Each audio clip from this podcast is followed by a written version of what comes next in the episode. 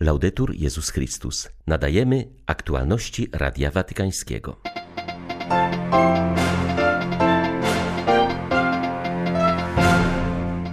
Do wierności charyzmatowi i do przezwyciężania zagubienia po śmierci założycielki wezwał papież Franciszek Fokolarynów, z którymi spotkał się w auli Pawła VI w Watykanie.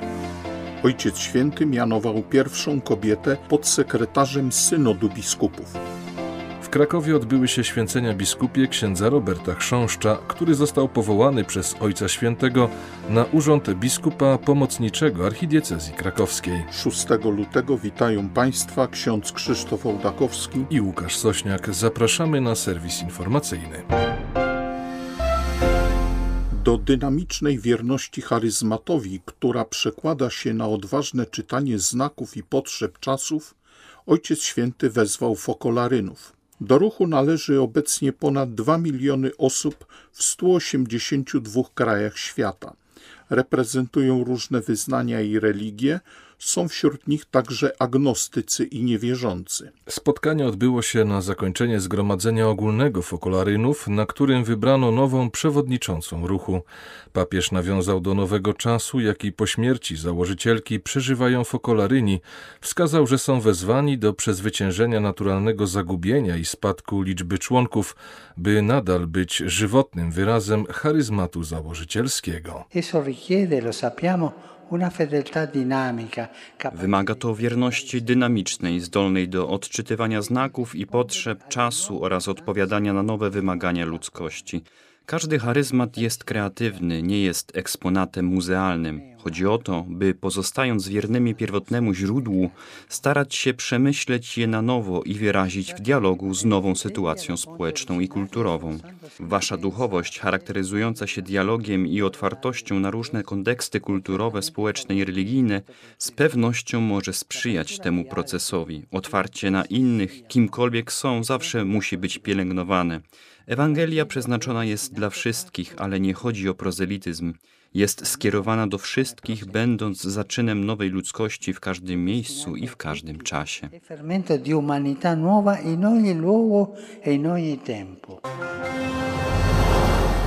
Młodzi Kubańczycy są pionierami dialogu w swoim społeczeństwie. Także na polu ekumenicznym zorganizowali coroczny festiwal, który ma na celu wprowadzenie w życie przesłania otwartości i akceptacji innych. W tym roku ze względu na obostrzenia pandemiczne główne wydarzenia Festiwalu Jedności odbywały się na Facebooku. W organizację wydarzenia najbardziej zaangażowali się młodzi z ruchu Focolari. O tegorocznym festiwalu rozgłośni papieskiej mówi Paola Monetta, Włoszka, która od dłuższego czasu mieszka na wyspie i jest współodpowiedzialna za lokalną wspólnotę Focolari. W tym roku pandemia nie pozwoliła nam być razem fizycznie, aby przeżyć festiwal ekumeniczny. Postanowiliśmy przygotować to wydarzenie w inny sposób. Przeprowadziliśmy wywiady z młodzieżą, mieszanymi małżeństwami, księżmi i przedstawicielami różnych kościołów, które żyją dialogiem ekumenicznym. Nakręciliśmy również filmy z muzyką, tańcem i momentami modlitwy o jedność. Można je znaleźć na Facebooku.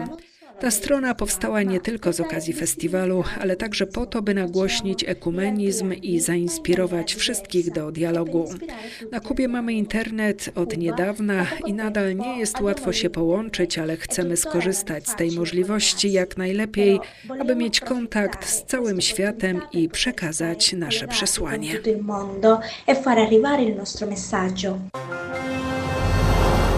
Papież Franciszek rozpocznie tegoroczny Wielki Post mszą przy ołtarzu katedry świętego Piotra.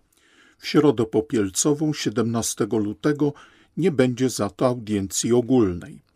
O godzinie 9.30 rozpocznie się Eucharystia celebrowana przez Ojca Świętego w Bazylice Świętego Piotra z obrzędem błogosławieństwa i posypaniem głów popiołem. Jak potwierdziła prefektura Domu Papieskiego, kazania na Wielki Post wygłosi kaznodzieja Domu Papieskiego kardynał Raniero Cantalamessa.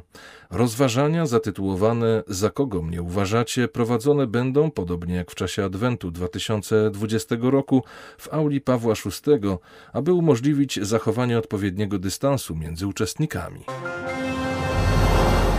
Papież Franciszek mianował dzisiaj dwoje nowych podsekretarzy synodu biskupów. Zostali nimi siostra Natalii Beckward, ksawerianka pełniąca do tej pory funkcję dyrektorki Krajowej Służby do Spraw Ewangelizacji Młodych i Powołań Konferencji Episkopatu Francji oraz ojciec Luis Marin de San Martin, dotychczasowy asystent generalny w zakonie Augustianów. Według kardynała Mario Greca, sekretarza generalnego Synodu Biskupów, nominacja pierwszej kobiety w historii na tak ważne stanowisko jest wyrazem tego, że na drogach synodalnych głos ludu Bożego ma szczególne miejsce i ważne jest znalezienie sposobu sprzyjającego uczestnictwu w nim wszystkich ochrzczonych.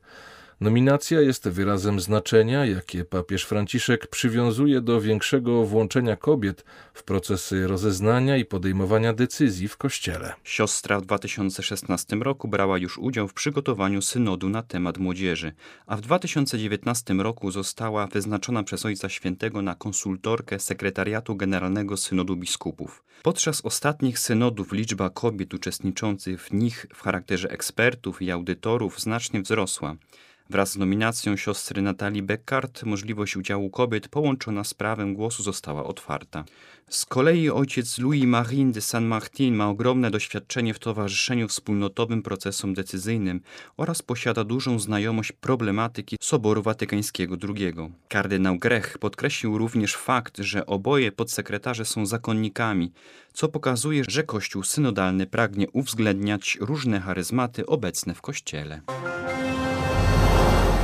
Wraz z pandemią wzrosła przemoc wobec kobiet.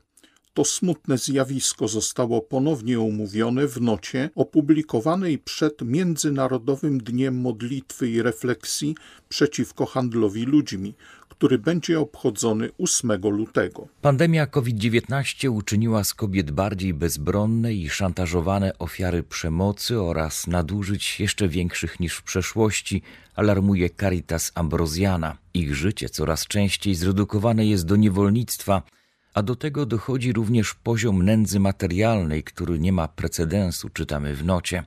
Jak zauważa siostra Claudia Biondi, odpowiedzialna za obszar handlu ludźmi i prostytucji w Caritas Ambrosiana, koronawirus przeniósł dramat tych zniewolonych prostytucją kobiet do sieci, czyniąc ofiary jeszcze bardziej niemymi, trudnymi do uratowania, coraz bardziej samotnymi i zmarginalizowanymi.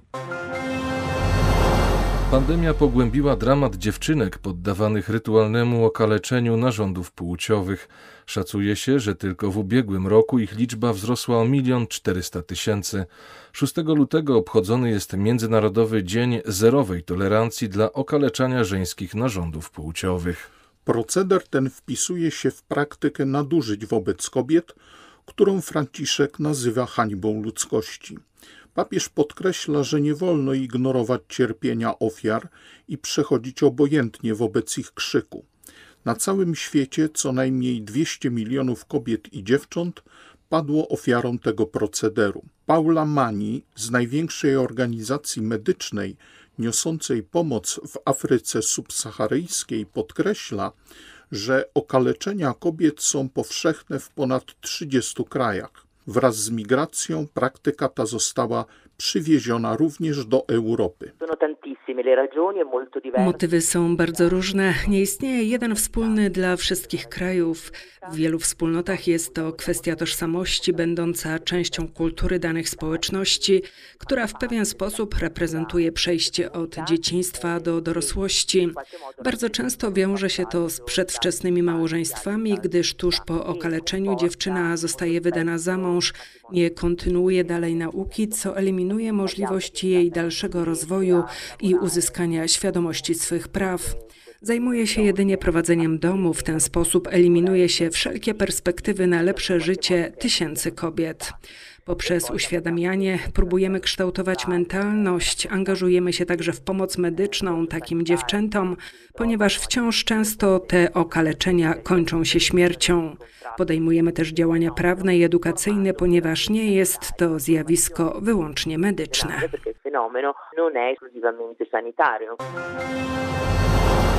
Porywanie przez muzułmanów nieletnich chrześcijanek i zmuszanie ich siłą do przejścia na islam pozostaje w Pakistanie wciąż bezkarnym przestępstwem. Policja bierze stronę porywaczy i nie chce nawet przyjąć zgłoszenia od zdesperowanych rodziców ofiar. Chodzi m.in. o to, by w oficjalnych statystykach nie było przypadków przymusowych konwersji, bo mogłoby to zaszkodzić wizerunkowi tego islamskiego kraju na arenie międzynarodowej. Działająca przy pakistańskim episkopacie Komisja Sprawiedliwości i Pokoju informuje, że każdego roku ofiarą islamistów pada co najmniej tysiąc nastolatek należących do mniejszości religijnych. Są to głównie chrześcijanki i hinduistki. O powrót swej córki do domu walczy właśnie Rafik Masih. 17-letnia Maszal została porwana 5 stycznia, jednak policja do tej pory nie przyjęła zgłoszenia o jej uprowadzeniu. Organizacja, która udziela wsparcia prawnego rodzinom ofiar, zauważa, że czas działa na ich niekorzyść. Muzułmanie fabrykują bowiem dokumenty mówiące o pełnoletności porwanych dziewcząt oraz ich dobrowolnym przejściu na islam i poślubieniu swego oprawcy. Ucina to praktycznie nadzieję na ich powrót do domu. Bierność pakistańskiej policji i sądów sprawia, że porywacze wiedzą, iż pozostaną bezkarni. Kościół w Pakistanie próbuje nagłaśniać te historie na arenie międzynarodowej, ponieważ tylko naciski z zewnątrz mogą pomóc w zmianie sytuacji prześladowanych w tym kraju mniejszości. Na niedzielę 7 lutego episkopat Birmy zaplanował Dzień Postu i Modlitwy w intencji przywrócenia w tym kraju demokracji, pokoju i powrotu do dialogu. Inicjatywa jest odpowiedzią na wojskowy zamach stanu, w wyniku którego władze w Birmie straciło ugrupowanie wybrane w demokratycznych wyborach. Celem biskupów jest uspokojenie nastrojów mieszkańców Birmy, którzy wyszli na ulicę w proteście przeciwko obaleniu Aung San Suu Kyi i osadzeniu jej w areszcie domowym. Episkopat jest zaniepokojony zamieszkami, które zdaniem biskupów mogą mieć dla wielu protestujących tragiczny finał. Episkopat zachęca księży, aby w niedzielnych homiliach apelowali o opanowanie i dialog, niestosowanie przemocy i przywrócenie demokracji. Wzywamy duchowieństwo do odprawienia specjalnej mszy o pokój i prosimy wszystkich wiernych o włączenie się w modlitwę, post i adorację Najświętszego Sakramentu, czytamy w oświadczeniu episkopatu. Krakowie odbyły się dziś święcenia biskupie księdza Roberta Chrząszcza. Kapłan, który 15 lat spędził na misjach w Brazylii, został powołany przez papieża Franciszka na urząd biskupa pomocniczego archidiecezji krakowskiej. Uroczystość święceń odbyła się w sanktuarium świętego Jana Pawła II w Krakowie. Liturgii przewodniczył arcybiskup Marek Jędraszewski, który w homilii modlił się, aby współczesny świat usłyszał mocny głos z zawołania nowego biskupa Otwórzcie drzwi Chrystusowi. Biskup Chrząszcz zawierzył siebie Bożej łasce, tak bardzo potrzebnej w nowej misji, która została mu powierzona. Jestem świadom mojej małości w perspektywie tego powołania.